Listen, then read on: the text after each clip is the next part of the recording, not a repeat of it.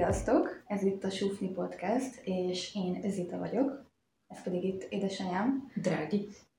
Igen, az Ágnes nem szereti, úgyhogy ne hívjátok úgy. És hát ez az első epizód, úgyhogy nagyon örülünk, hogy itt vagyunk, és a koncepció tulajdonképpen az, hogy van itt egy ilyen könyv, amiből előre kiválasztottunk egy idézetet, és arra felfűzve fogunk beszélgetni. Úgyhogy uh, szerintem kezdjük is el, ha nincs más. Szóval, az idézet úgy szól, hogy az élethelyzeteim adottak, ebben determinált vagyok. Rajtam áll azonban, hogyan viselkedem a helyzetekben. Viselkedésünk szabályozása a hatalmunkban van, tőlünk függ. Így fonódik össze életünkben a determináció és a szabadság. Ezt el is dobtam, és hát akkor kezdjük azzal, hogy neked mi jut eszedbe a szabadságról? Hát az, hogy attól függően milyen rétegeit nézzük ennek a történetnek, olyan jól hangzik, hogy szabad vagyok, azt csinálok, amit akarok. Pont most ugye itt a Covid helyzetben még az is bekavar, hogy fizikai szabadságunk is korlátozva van, tehát az is egy szintje. De azért nekem, ami, ami a legfontosabb, az a, az a belső szabadságom. Tehát, hogy azt mennyire tudom így kibontani, és hogy hogy reagálok helyzetekre. És az alatt mit értesz, hogy belső szabadság? Kicsit, ha kifejtenéd de... Hát azt gondolom, hogy nagyon sokszor a körülmények azok adottak, azokra nem feltétlenül van ráhatásom, vagy legalábbis kevés, de az, hogy én arra hogy reagálok, hogy mi történik velem, az már az én szabadságomban áll. És viszont ez így nagyon jól hangzik, hogy akkor én eldöntöm, hogy hogy reagálok, de amíg átírom ezeket a belső mintákat, szokásokat, hiedelmeket, hogy úgy reagáljak, ahogy szeretnék, na az egy kőkemény és nagyon hosszú ideig tartó meló, és nagyfokú tudatosságot, meg önreflexiót igényel. Uh-huh. Nekem is amúgy hasonlót jelent a szabadság, hogy ami igazából magában az idézetben is van, de azért elmondom, hogy, hogy ugye vannak, vannak, én hiszek abban, hogy van sorszerűség, tehát hogy meg vannak írva úgymond dolgok, viszont az, hogy én hogyan élek ezekkel a lehetőségekkel, amiket kapok, szerencsével úgymond hogyan élek, az, az meg úgy érzem, hogy ilyen nagyfokú magabiztosságot ad, hogy abban, abban én vagyok a felelős, én döntök.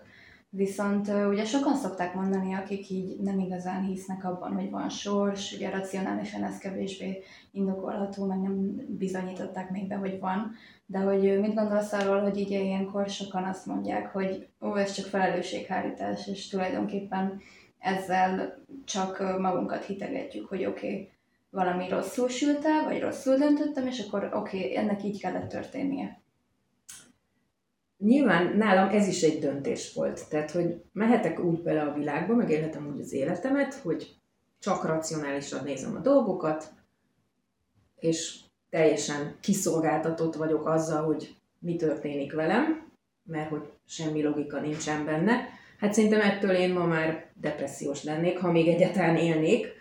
És akkor van az a verzió, hogy én úgy döntöttem, nyilván ehhez rengeteg könyvet olvastam, meg így belemélyedtem spiritualitásba, hogy akkor legyen inkább az, hogy történik velem az, amit akár én megírtam magamnak, de hogy mindenképpen egy egy lépésről lépésre akár logikusan is összerendezhető folyamat, és ez mind azért történik, hogy én fejlődjek, és hogy többé váljak ezáltal az események által. És most itt pont nem a Hawaiion koktélozgatók történetre gondolok, mert nyilván ott aztán nem sok késztetést érzek, hogy bármin változtassak, de az órabukásaim vagy a nagy veszteségeim, amikor a vágyaim nem úgy teljesülnek, ahogy én azt elgondoltam, na ott ott viszont ez egy, ez egy nagyon jó driver, és akkor én úgy döntöttem, itt jön az, hogy most ez mennyire volt racionális, nem racionális, hogy én inkább ezt az utat választom, tehát bármikor, ha óra bukok, vagy bármi szar történik velem,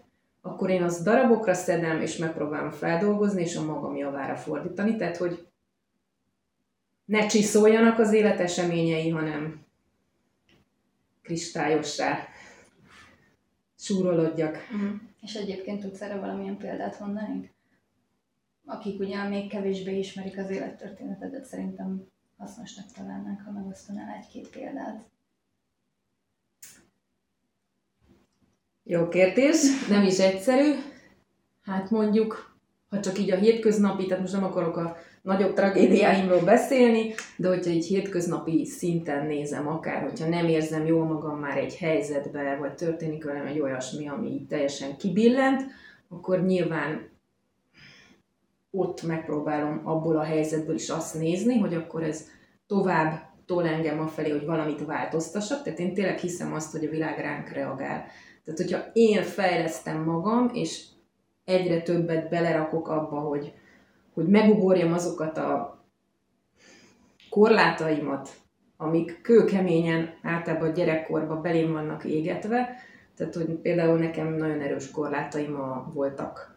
Remélem most már azért sok oldódott, hogy ne érezzek, vagy hogy legyek jó kislány. Tehát ebből a jó kislányságból kilépni, és hogy független attól, hogy mit gondol a társadalom vagy a családom, én azt szerint éljek, amiben hiszek és amit jónak gondolok.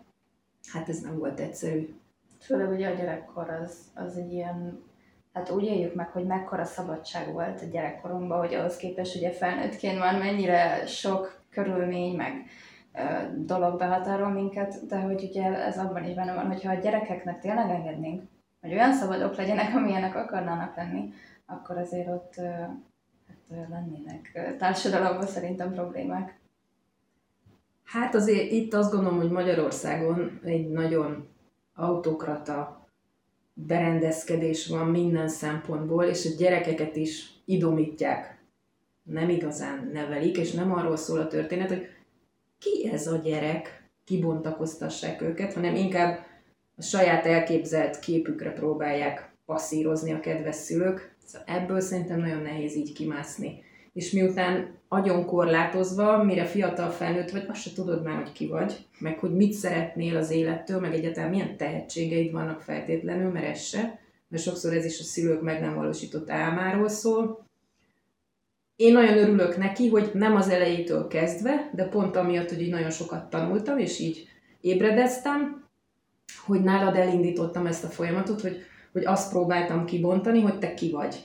Mit szeretnél, milyen tehetségeid vannak, és ugye ebbe próbáltalak mindenképpen így támogatni, de hát azért a körbenézek, akkor nem egészen erről szól, és hát én se innen indultam, tehát szerintem neked is lenne mit listáznod, hogy tényleg a kisgyerekkorodban, amikor még ott az első botladozásaim voltak gyereknevelés terén, szerintem egy csomó mindent én is elbénáztam.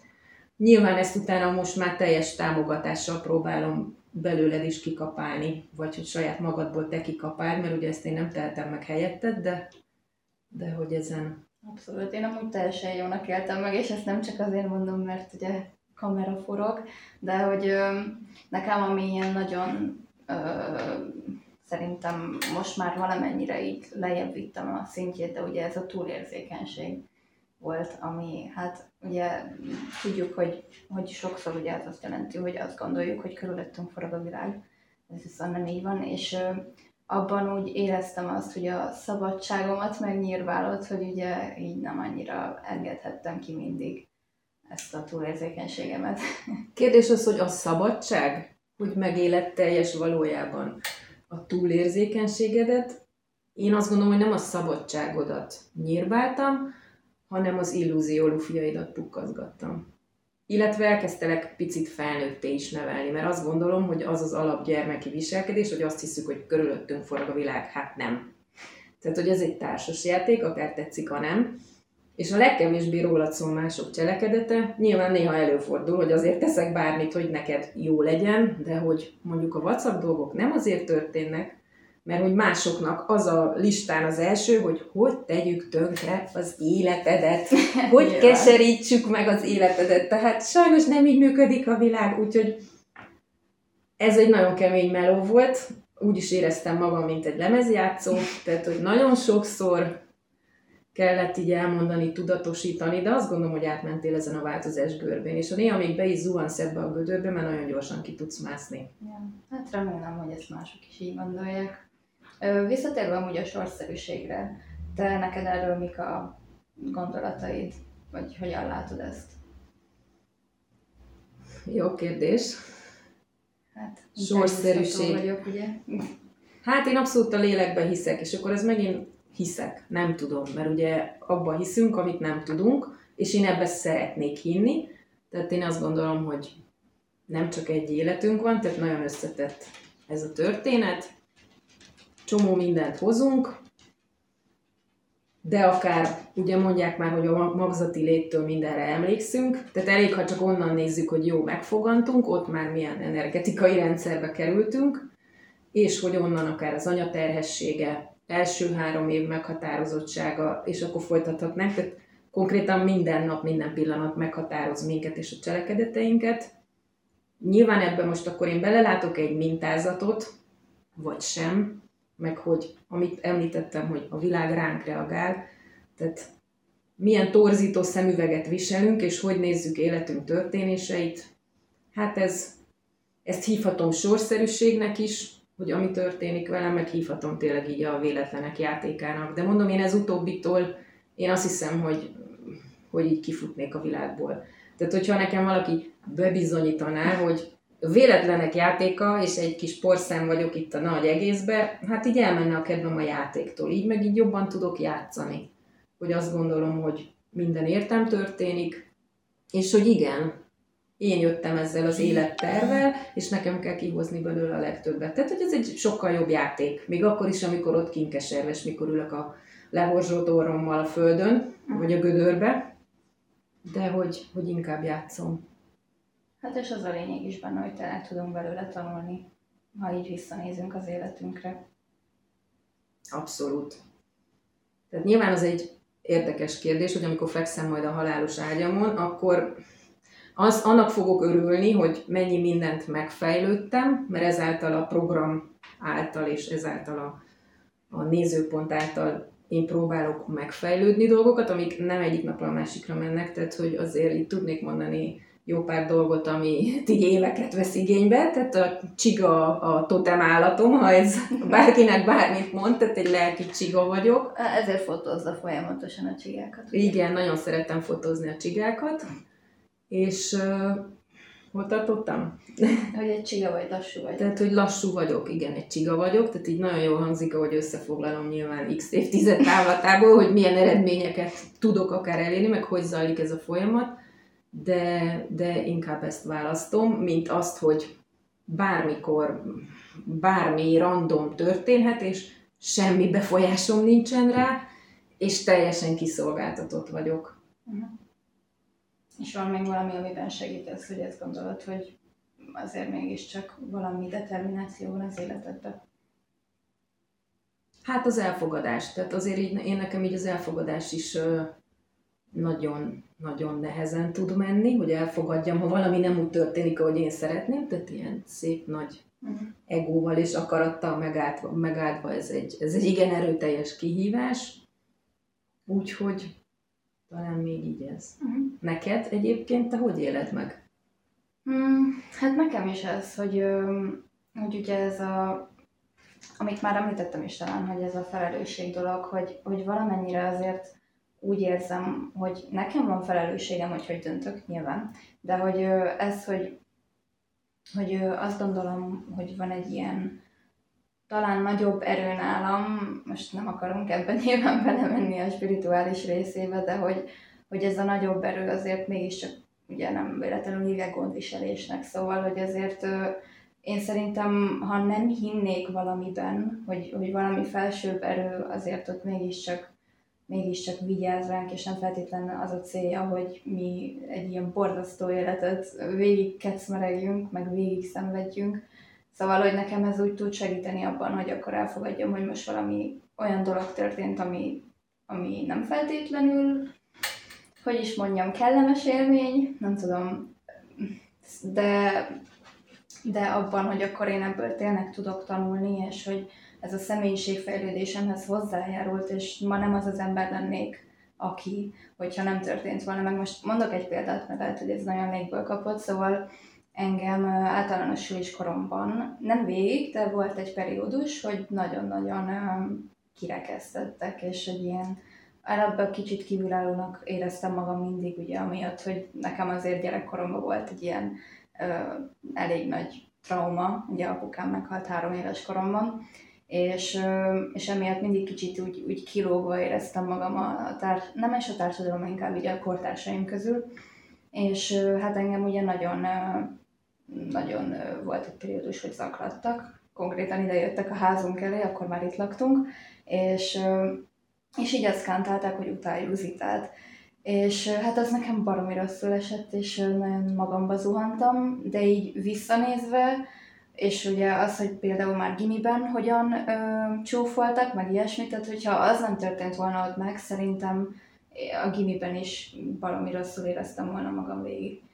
És ö, emiatt szerintem van egy ilyen tanulási görbe ebből, hogy, hogy ennek tényleg meg kellett történnie, és igen, bármennyire is rossz volt, és bármennyire is ö, hát lehettem volna tőle depressziós szerintem, de, de végül ez nem tudom, amiatt, hogy ezt gondoltam, hogy oké, okay, ez most így kellett, hogy történjen, emiatt. Meg ugye, hát te voltál a fő tanítom, szóval nem én találom itt ki ezeket, hanem tényleg az, hogy anyával mindig ezeket megbeszéltük, és, és mindig elmondhattam neki bármit, ő pedig mindig próbálta legjobban segíteni. De... És sokszor kiméletlenül is. Igen, igen, ami az, hogy a túlérzékenységemnek a Szentül hiszem, hogy a gyereknevelésben az egyik nagyon fontos minő, szülői minőség az is, hogy néha nem csak simogatni kell a buksit, és itt most nem arról beszélünk, hogy agyonverlek, de hogy néha így kiméletlennek kell lenni. Igen. De tényleg az, hogy, hogy, hogy te ezt a gondolkodásmódot átadtad, szerintem az nagyon durván más irányba mentem volna el, és tényleg szerintem sokkal negatívabb következménye is lehettek volna, hogyha nem adod át ezt gyerekkoromtól kezdve. Úgyhogy én, én azért úgy tök hálás vagyok, mert tényleg, hogyha nem, ha nem hinnék semmiben, és tényleg ismerek ilyet, aki, aki nem gondolja, hogy van bármi értelme az életünknek, úgymond. Én ugye azt gondolom, hogy a tanulás, meg anya is végig de hát akkor azért szerintem nagyon magam alatt lennék. Hát nem kell messzire menni. Tehát apukád is a hit hiányába konkrétan depresszió következtében halálozott el, tehát itt egy tökéletes példa. És csak hogy mennyire fél centivel, fél lépéssel előtted járok, tehát kb. gyönyörűen együtt tanultuk ezt a történetet. Nyilván én már ott felnőtt fejjel máshogy tudtalak drive de ugye mindenki azt tanítja, amire szüksége van, tehát ilyen szempontból nagyon jól egymást így fejlesztettük, tehát nyilván a te helyzeteiden keresztül én is nagyon sok mindent tanultam, hogy próbálják neked segíteni. Uh-huh. Tehát, hogy ez egy ilyen teljes kölcsönös, közös tánc volt így a lélek birodalmában. Igen. Még van valami, ami amúgy így a szabadságra eszedbe jut? Ó, én nagyon sokáig ki akartam vonulni a világból, és gondolkoztam, hogy elmegyek egy barlangban, ne szóljon hozzám senki, és ott én majd jól el leszek, aztán végig gondoltam, lefutattam, hogy de hát ott meg az időjárásnak leszek, meg mit fogok enni, meg nincsen hűtőszekrény, közben meg egy kényelmes macska vagyok. és így elengedtem, és így rájöttem arra, hogy aki emberként születik bele ebbe az emberiségnek a szövetébe, ide a földre, tehát a szabadság, ez egy nagyon relatív dolog, nagyon mindenkinek teljesen egyéni, nincsen általános definíciója, úgyhogy én mindenkinek azt javaslom, hogy találja ki, tesztelje le, keresse meg, hogy mitől érzi magát szabadnak, és nyilván lehetőleg a környezetére a legkisebb károkozással, de élje meg! Ja. Hát, amúgy én is viszonylag ilyen visszahúzódó teremtés vagyok, és hát ez, hogy így a társadalomban ugye muszáj valahogy együttműködni, tehát még amúgy máig a csoportmunkákat rühellem, ezt remélem senki nem hallja egyetemről se, de, de igen, hogy nekem is ez, hogy nyilván az a legnagyobb szabadság, hogy én egyedül vagyok magamban, azt csinálok, amit akarok, de hát egyrészt azzal nem lehet pénzt keresni, másrészt pedig tényleg amúgy abból szerintem nem fejlődök, hogy egyedül itthon ülök és olvasok, szóval muszáj másokkal kapcsolódni. Úgyhogy én is már amúgy egyre jobban meg tudom élni másokkal is, szerencsére a barátaimmal is a szabadságot. Úgyhogy szerintem mára ennyi volt, ez egy kis bemelegítés volt, meg mi is még így tapasztaljuk, hogy mi hogy működik, de reméljük, hogy valamennyire élvezetes volt, és hát köszönjük, hogy meghallgattatok, megnéztetek. Legyetek szabadok! Mm.